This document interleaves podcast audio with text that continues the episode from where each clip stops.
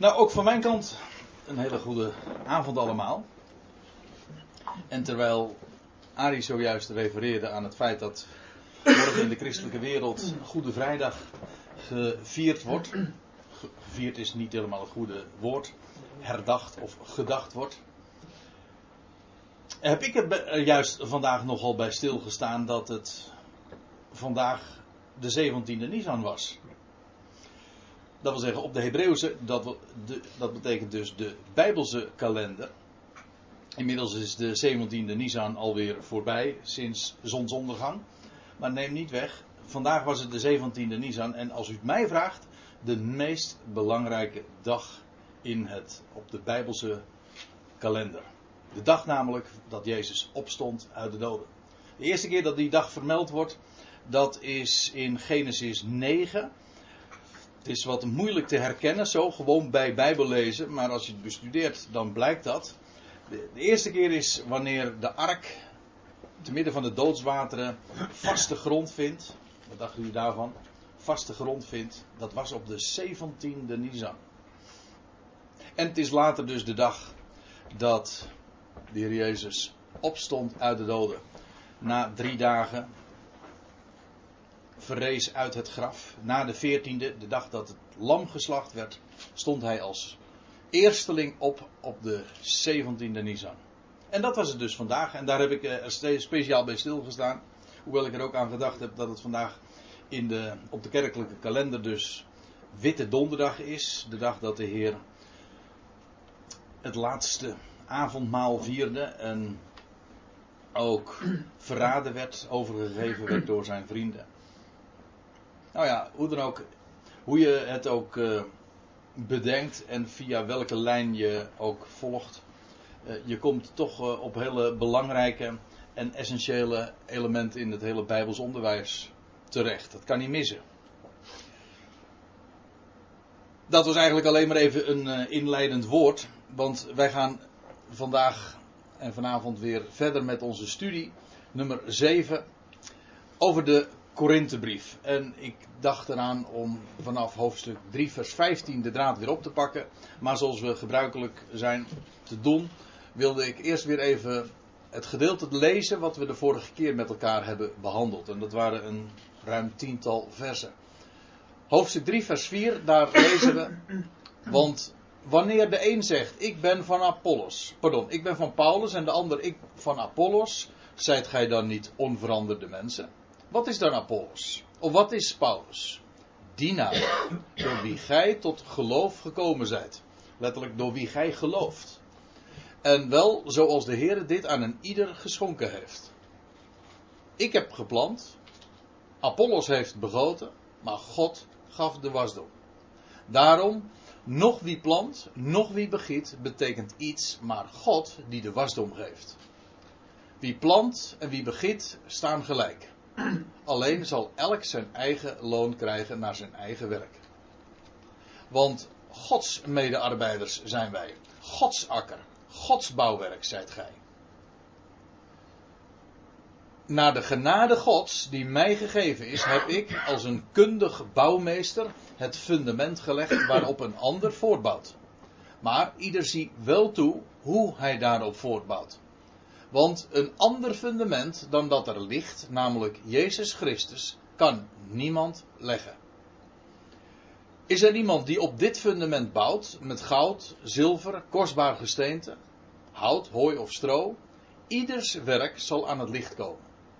Want de dag zal het doen blijken, omdat hij met vuur verschijnt en hoedanig ieders werk is, dat zal het vuur uitmaken. Indien het werk dat hij erop gebouwd heeft stand houdt, zal hij loon ontvangen. En dat was het laatste waar we het over gehad hebben. En eigenlijk is dat midden in de zin, want er volgt dan een komma. Het ging over de wijze waarop de Ecclesia, Gods gemeente, het bouwwerk Gods, want dat is de, de beeldspraak in dit hoofdstuk met name, hoe die gebouwd wordt. Wordt dat gedaan met goud, zilver, kostbaar gesteente, dat, wel, dat wat vuurbestendig is, goddelijke materialen. Of is dat daarentegen met hout, hooi of stro? Nou, daar hebben we de vorige keer wat nader bij stilgestaan. Ook de verschillende elementen die daarbij genoemd worden, wat nader bekeken. En goud, zilver en kostbaar gesteente heeft te maken met Gods heerlijkheid, de prijs die hij betaald heeft en met zijn wijsheid. En hout, hooi of stro, dat heeft juist te maken met menselijke werk. Hout en die laatste, uh, hooi of stro met menselijke bezigheden, met, met het uh, maken van tichels. Typisch menselijk bouwwerkmateriaal, maar ook hout, dat wil zeggen menselijke constructies. Eigenlijk staat dit ook in het meervoud. Ik heb er vorige keer geloof ik ook op gewezen. Houten, houten onderdelen dus, waarmee iets opgetrokken wordt. Dat kan allemaal heel imposant lijken. Maar op het moment dat het vuur toeslaat, dan blijkt het van nul en geen waarde te zijn, want dan verdwijnt het domweg.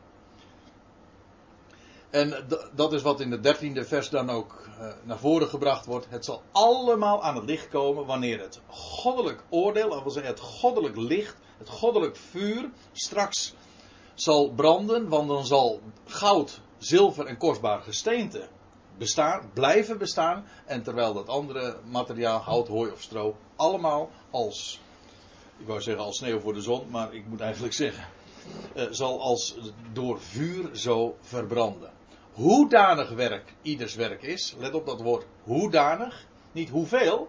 Hoeveelheid speelt geen rol.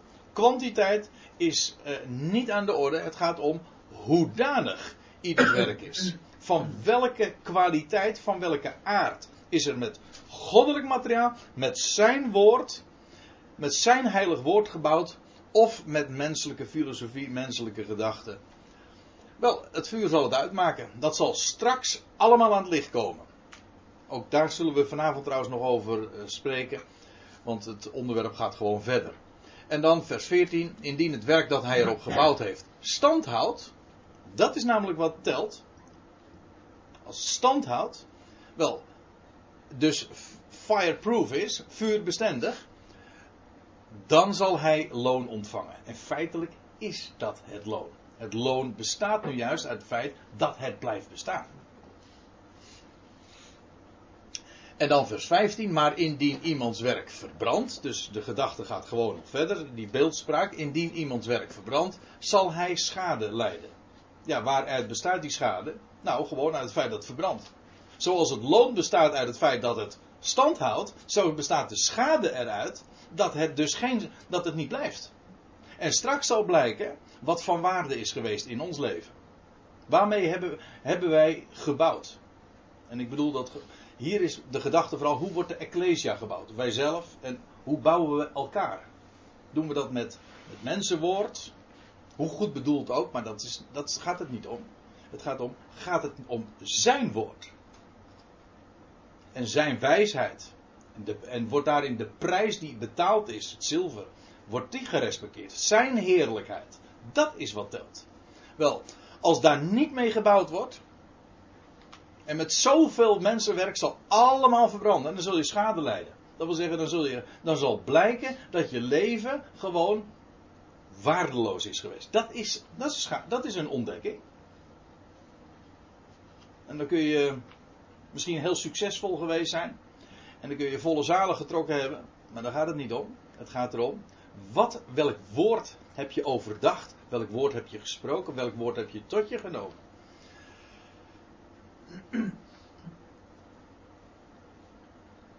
Dus we worden hier bepaald bij de dag waar alles aan het licht komt en waar God zijn, zijn licht laat schijnen op ons leven.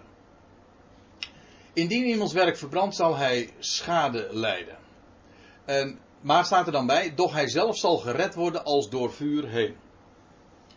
En als je deze versen leest, dan kan het je nauwelijks ontgaan, denk ik, uh, als je een klein beetje vertrouwd bent met, de, met de allerlei leringen in de christenheid, uh, dat dit doet denken aan het vagevuur. En ik zal u vertellen dat het hele idee, het rooms-katholieke idee van het vagevuur, hieraan ontleend is.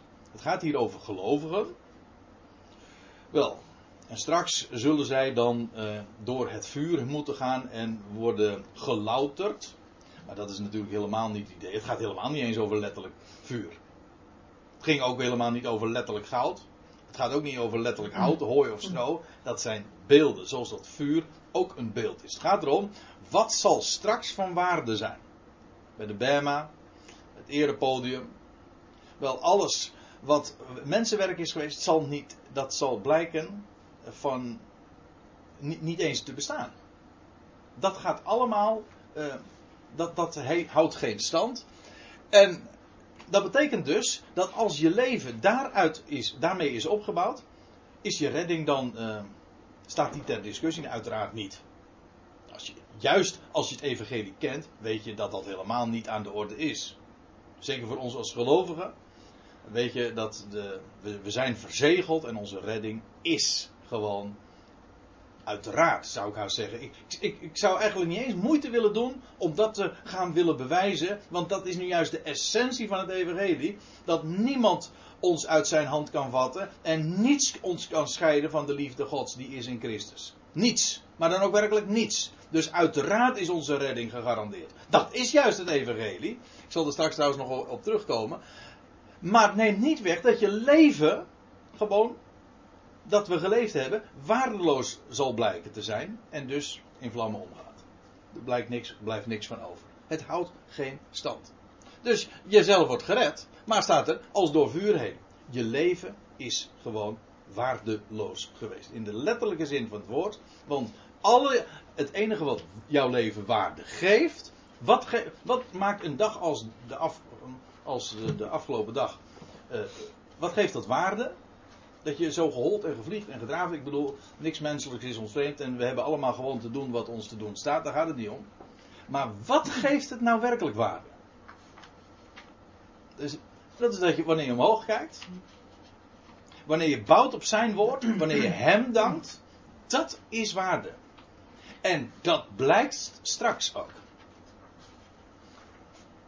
Later in de Korinthebrief lees je ook dat Paulus nog spreekt. Trouwens, we zullen het vanavond ook nog uh, zien, denk ik tenminste dat we eraan toe komen, wordt er gesproken, dan zal hij van God lof ontvangen. Het gaat niet over lof van mensen, lof van God. Over wat hij met jouw leven heeft kunnen doen. Begrijp me goed? Ik wil dat er nog wel even bij gezegd hebben. Het gaat mij helemaal niet om dat godsdienstige idee. Integendeel zelfs. Weet je wel, dat wij uh, moeten werken voor God.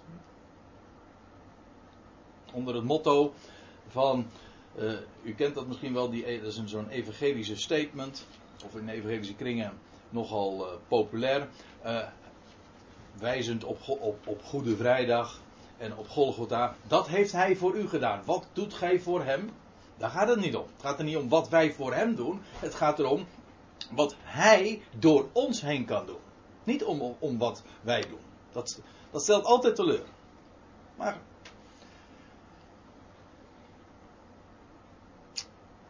dat, uh, dat hier staat dat alles uh, van je leven waardeloos zal blijken te zijn. Uiteraard, je redding is daarbij ge is gegarandeerd. Uiteraard, en dat geldt zelfs voor heel de mensheid.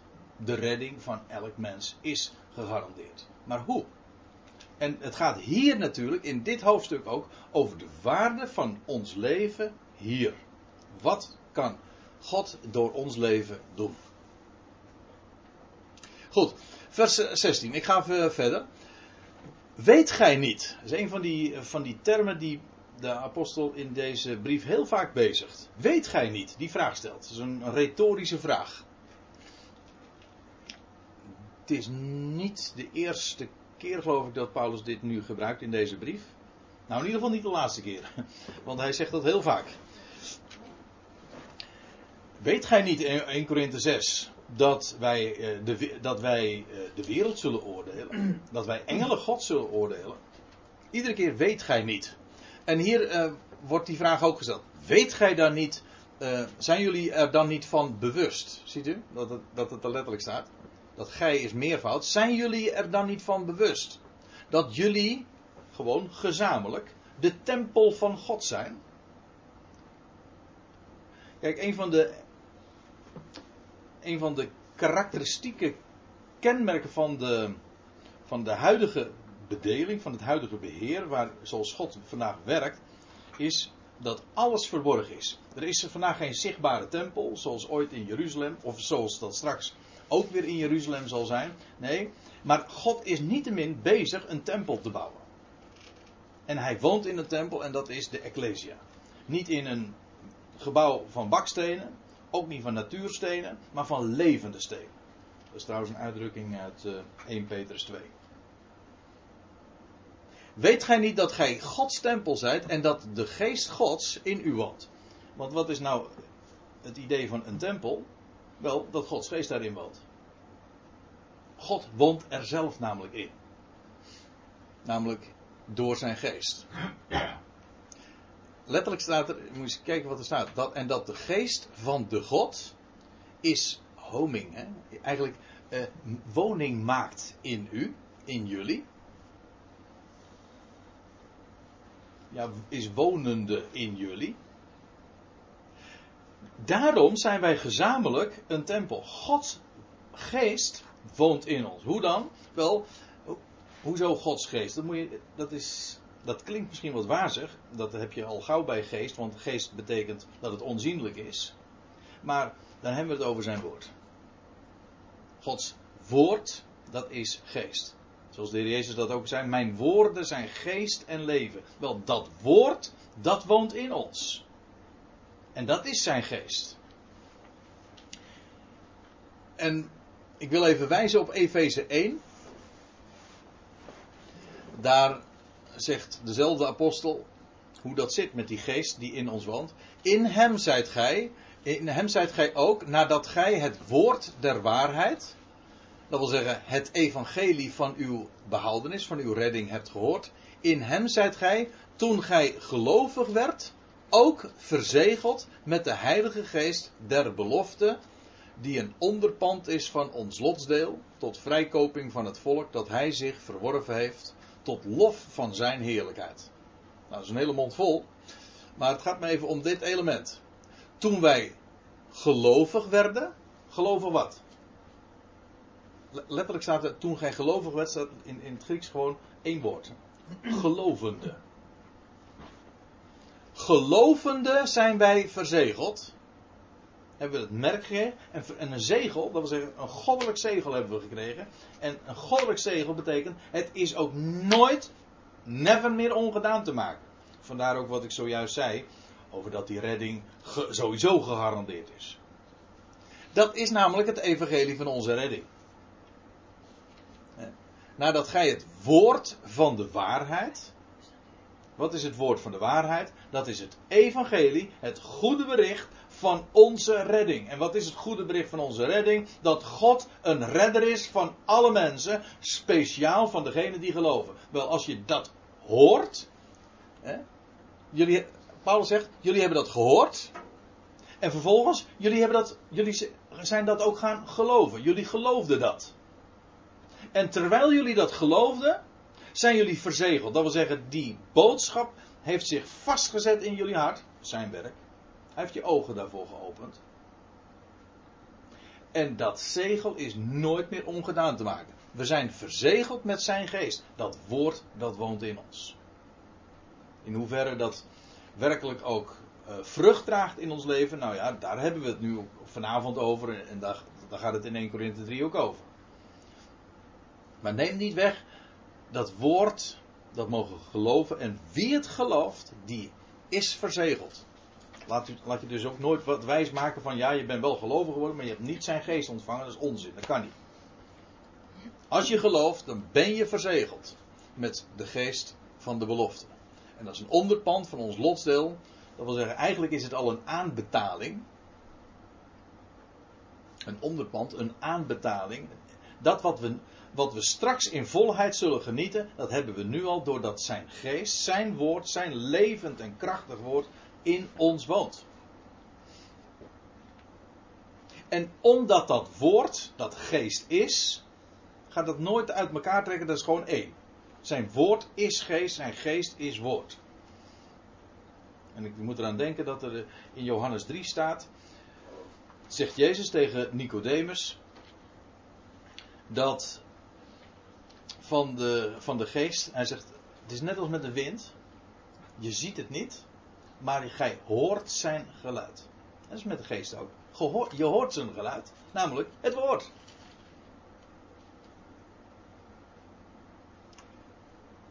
Wel, het is een uh, enorm voorrecht als, je dat, als dat woord een plaats, de plaats in je, in je hart heeft gekregen. En dan ben je inderdaad verzegeld. En dan ben je dus een. Dan woont zijn geest in ons, maar ook collectief. Als gelovigen tezamen woont zijn geest in ons. Als, en zijn wij dus een tempel. Dat is de Bijbelse gedachte. Wij horen dus ook met recht bij elkaar. Niet door, dat is geen menselijk bouwwerk. Dat heeft niets te maken met lidmaatschap of horen bij een bepaalde club. Nee, dat heeft niets mee te maken. Zijn geest woont in je. Waarom? Zijn woord heeft de plaats in je hart gekregen. Dat mag je geloven. En dat maakt je tot een geestelijke eenheid. menselijke organisaties hebben daar niets mee te maken. En zijn geest ja, woont dus in ons. Dat is, dan ben je dus, maak je deel uit van een bouwwerk van hem. Nou, en dan zegt eh, Paulus, en hij is daar, uh, spreekt daar zeer ernstige woorden mee. Zo iemand Gods tempel schendt, God zal hem schenden. En wat is dat schenden van die tempel? Nou, het hele verband is dat dat, het gaat over de wijze waarop die tempel, dat bouwwerk van hem, gebouwd wordt. Paulus eerder had al, al eerder geschreven, ik heb het zojuist nog voorgelezen, en ieder zie wel toe hoe je daar opbouwt. Met goud, zilver of edelgesteente, of met hout, hooi of stro. Nou, als je dat doet, met menselijk uh, materiaal, dan schend je zijn tempel. en dan staat erbij, uh, God zal hem schenden. Dat wil zeggen dat, nou ja, en daar had hij het zojuist over gehad. Dan zul je namelijk zien dat je leven, want het gaat, we hebben het, hier, dan zal je schade lijden. Je werk zal verbranden. Dat is het idee. Straks zal dat blijken. Ik denk trouwens dat het nu ook al blijkt. Ik bedoel, vandaag, als je nu met menselijk materiaal bouwt, met hout, hooi en stro, met eigen werken bezig bent, of met menselijke filosofie, dan zul je vandaag al de zegen missen. Want er is maar één ding wat werkelijk een mens boven alles uittilt en trekt.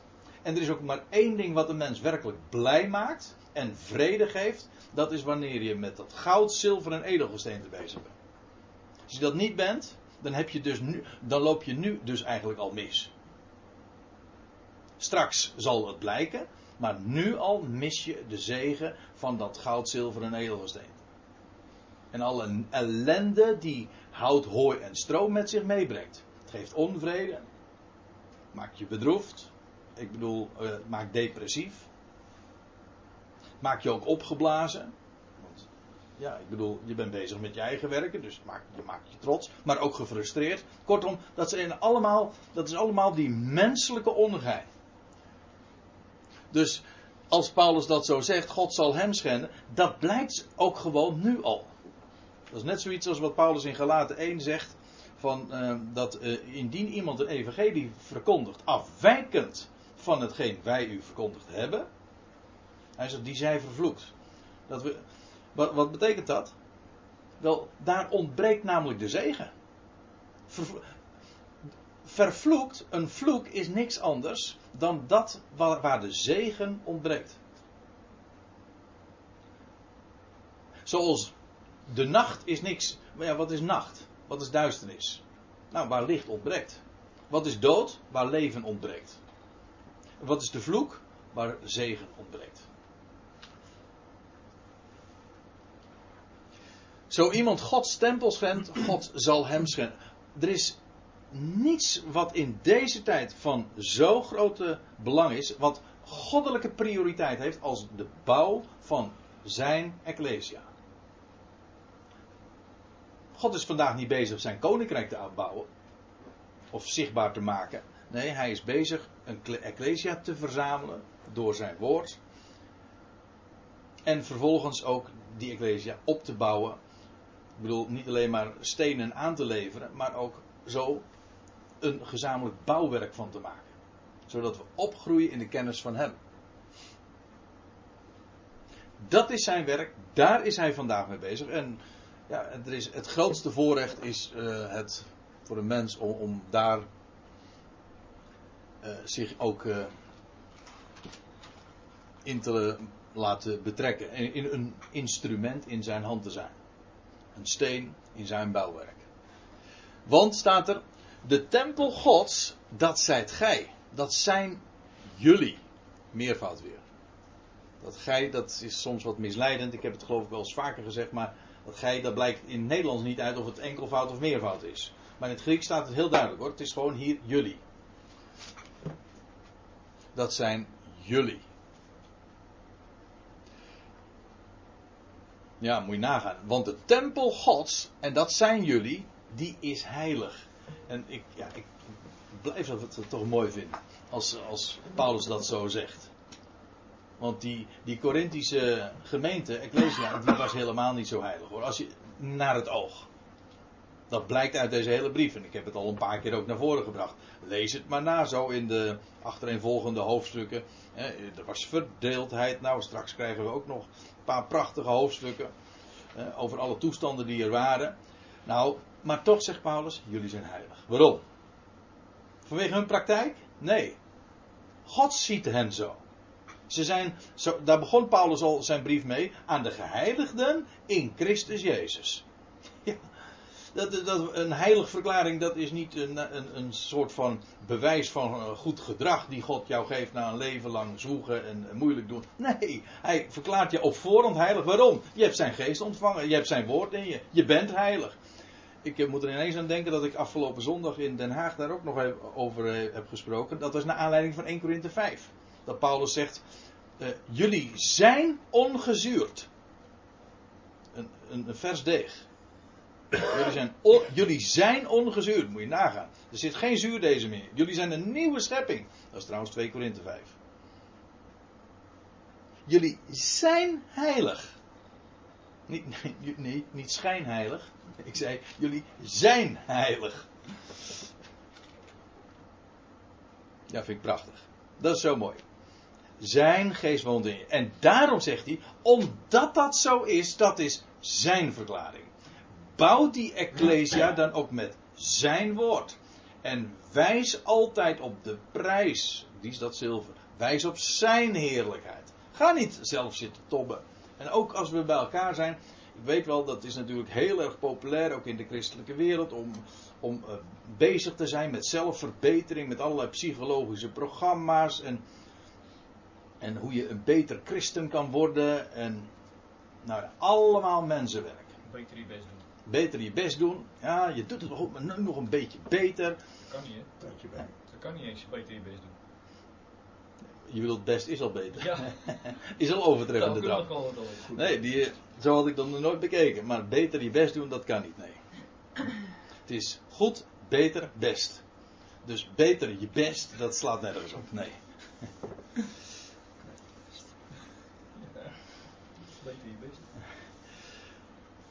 Nee, en dat, dat, dat, zijn, dat is, mag dan indrukwekkend zijn, maar het valt allemaal in de categorie hout, hooi en stro. Punt. En dat is misschien niet aardig, maar het is wel de waarheid.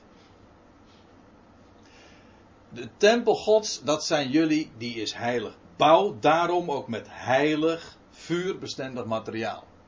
En Paulus voegt er aan toe: laat niemand zichzelf misleiden. Het is namelijk ook misleidend zomaar om te gaan, om te gaan bouwen. Het is verleidelijk, aanlokkelijk, om, om toch menselijk materiaal te gebruiken. Bijvoorbeeld, ja, hoor eens eventjes. Er zijn zoveel knappe koppen in de wereld. Wat dacht je nou wat? Ook in de christelijke wereld. Die goed hebben nagedacht over, over tal van onderwerpen. Die misschien daar een, een dokterstitel door hebben verworven of die, dat wordt aangeprezen door kranten en door mensen van naam, zouden wij dat zomaar moeten negeren? Daar kunnen wij toch ook een graantje van mee pikken? Ik bedoel, dat, is, dat zijn toch hele redelijke gedachten. Paulus zegt, laat niemand zichzelf misleiden, want het is indrukwekkend menselijk. hout, hooi, stro. En dat hoort niet thuis in zijn bouwwerk. Zijn bouwwerk wordt alleen maar gehonoreerd met zijn materiaal: goud, zilver en edelgesteente. En anders schend je de tempel.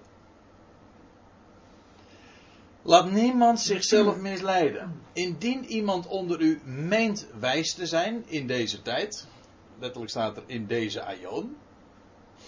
U ziet het, in deze eeuw. Als ik me niet vergis staat het in de Statenvertaling ook zo. Op zich is het al niet zo wijs om dat te denken. Als je denkt zelf wijs te zijn. Dat is geen kenmerk van wijsheid. Maar indien iemand u onder u uh, veronderstelt of voorgeeft wijs te zijn in deze aion, dat kan. Waar ik het net over had. Je kunt in tel zijn, we zullen dat trouwens ook nog in het vervolg nog zien, met name hoofdstuk 4. Eh, die Corinthiërs die wilden in deze wereld ook werkelijk wat betekenen. En ken, we hebben de indruk, ik kan straks nog wel uh, ook aantonen, die Corinthiërs betekenden ook wel wat daar in, uh, daar in Korinthe. Ze speelden een voorname rol. En hoewel zij zich erop lieten voorstaan, veegt Paulus de vloer ermee. Dat, speelt, dat is namelijk, ook dat is weer hout, hooi en stro. Misschien waren ze daar vanwege in aanzien, vanwege, door, door, uh, door menselijke wijsheid. Werden ze daarom geloofd? Ik bedoel, ge, geprezen. Indien iemand onder u meent wijs te zijn, hij wordt dwaas. Waarom? Om wijs te zijn. Hoezo? Nou, wat in deze wereld namelijk wijs is, is in Gods ogen dwaas. Zo is het. Dus als je wijs wil wezen in deze aion, nou weet je wat je dan moet doen? Dan moet je dwaas wezen. Dat wil zeggen in de ogen van de wereld dwaas. Want dan ben je werkelijk wijs. Dat is, dat is niet maar mijn gedachte hoor. Want staat er namelijk precies bij achter uh, wat er in vers 19 volgt. Want, verklaart dus. Dat verklaart deze statement. Als je wijs wil zijn in deze aion, dan is het echt wijs. Dan moet je dwaas worden. In, die, in de ogen van de wereld. Dat is een vernederende gedachte misschien. Maar het is wel zo. Namelijk om werkelijk wijs te worden. Waarom? Wel, de wijsheid van deze wereld, van deze kosmos, die is stupidity, is dwaasheid, uh, stom, uh, hoe zeg je dat nog meer? Uh, onzin voor God. Anders niet. Ik, zou, ik zocht nog even een ander woord wat wij daarvoor gebruiken. Maar dat is, wat dat is wat in de ogen van God de wijsheid van deze wereld is. Het is dwaas. En waarom? Dat heeft alles te maken met het feit dat het uitgangspunt niet goed is. Het heeft niet ermee te maken dat de mensen niet intelligent zouden zijn. Of niet goed kunnen redeneren. Het gaat erom, het vertrekpunt is niet goed.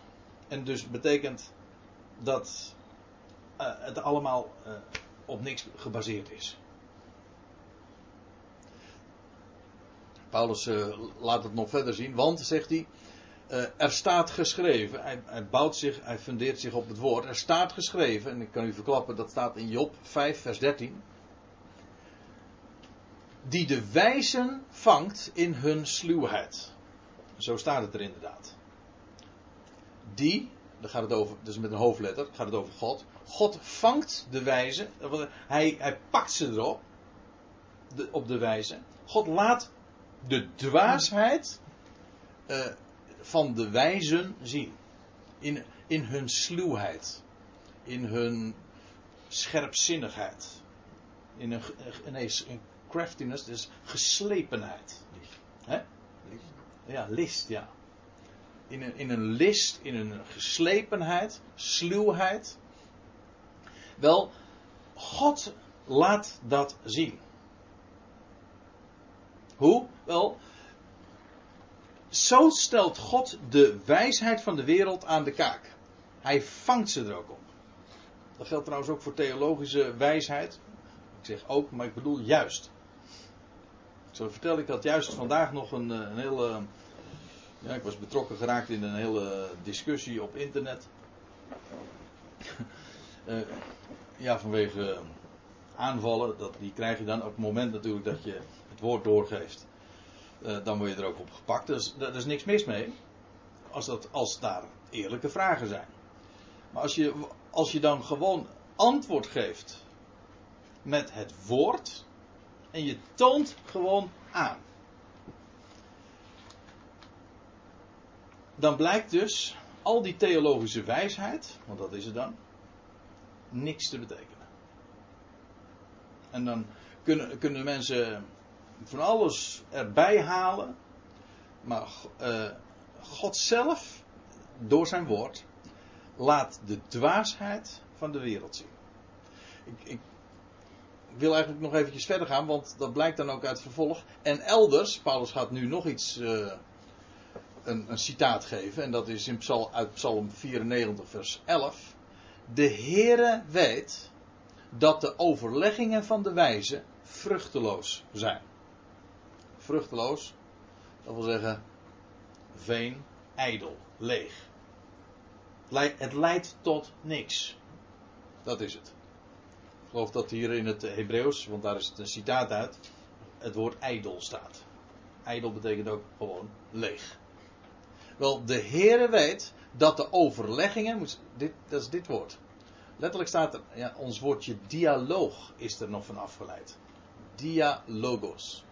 Maar dat betekent letterlijk een dia is door en doorredenering. Doorredeneren. De doorredeneringen van de wijzen zijn leeg, vruchteloos. Let op, de doorredeneringen van de wijzen. Juist degenen die geoefend zijn in redeneren, dat zijn juist niet de mensen die niet geleerd hebben en degenen die,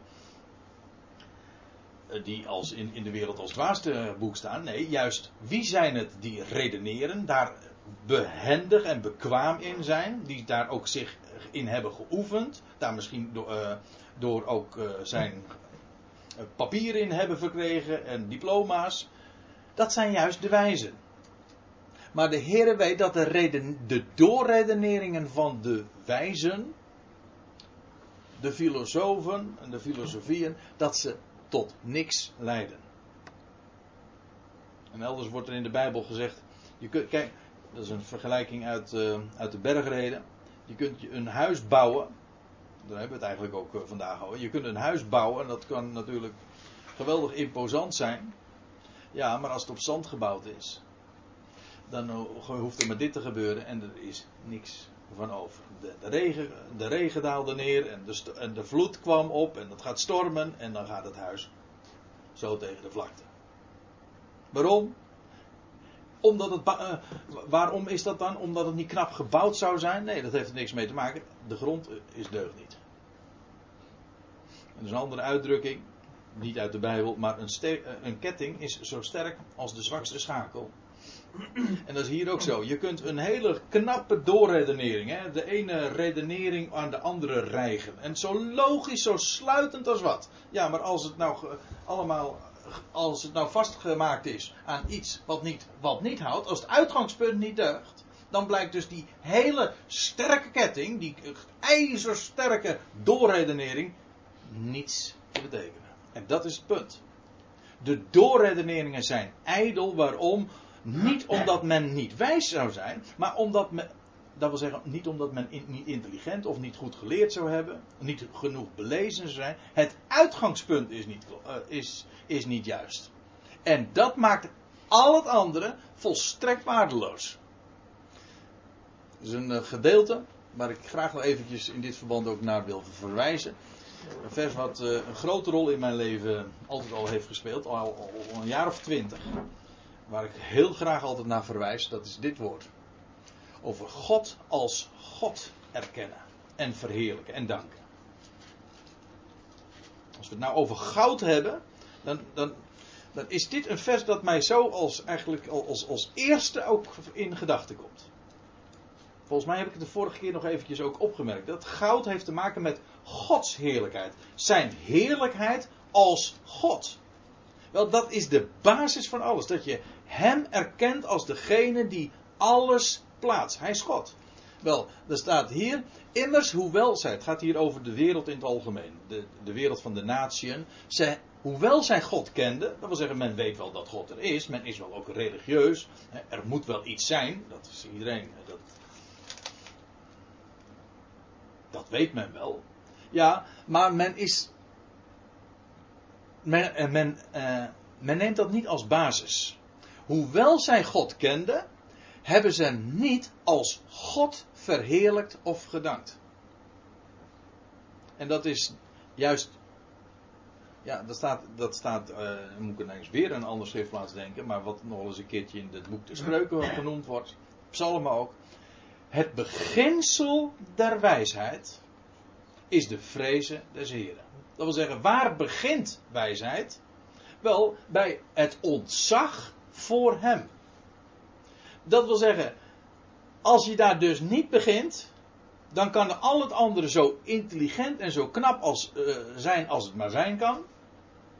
Maar het is geen wijsheid, het is dwaasheid. En dan kom je bijvoorbeeld bij, uh, als, je niet, als je niet uitgaat van God, als God, als de plaatser, heb je nooit wijsheid.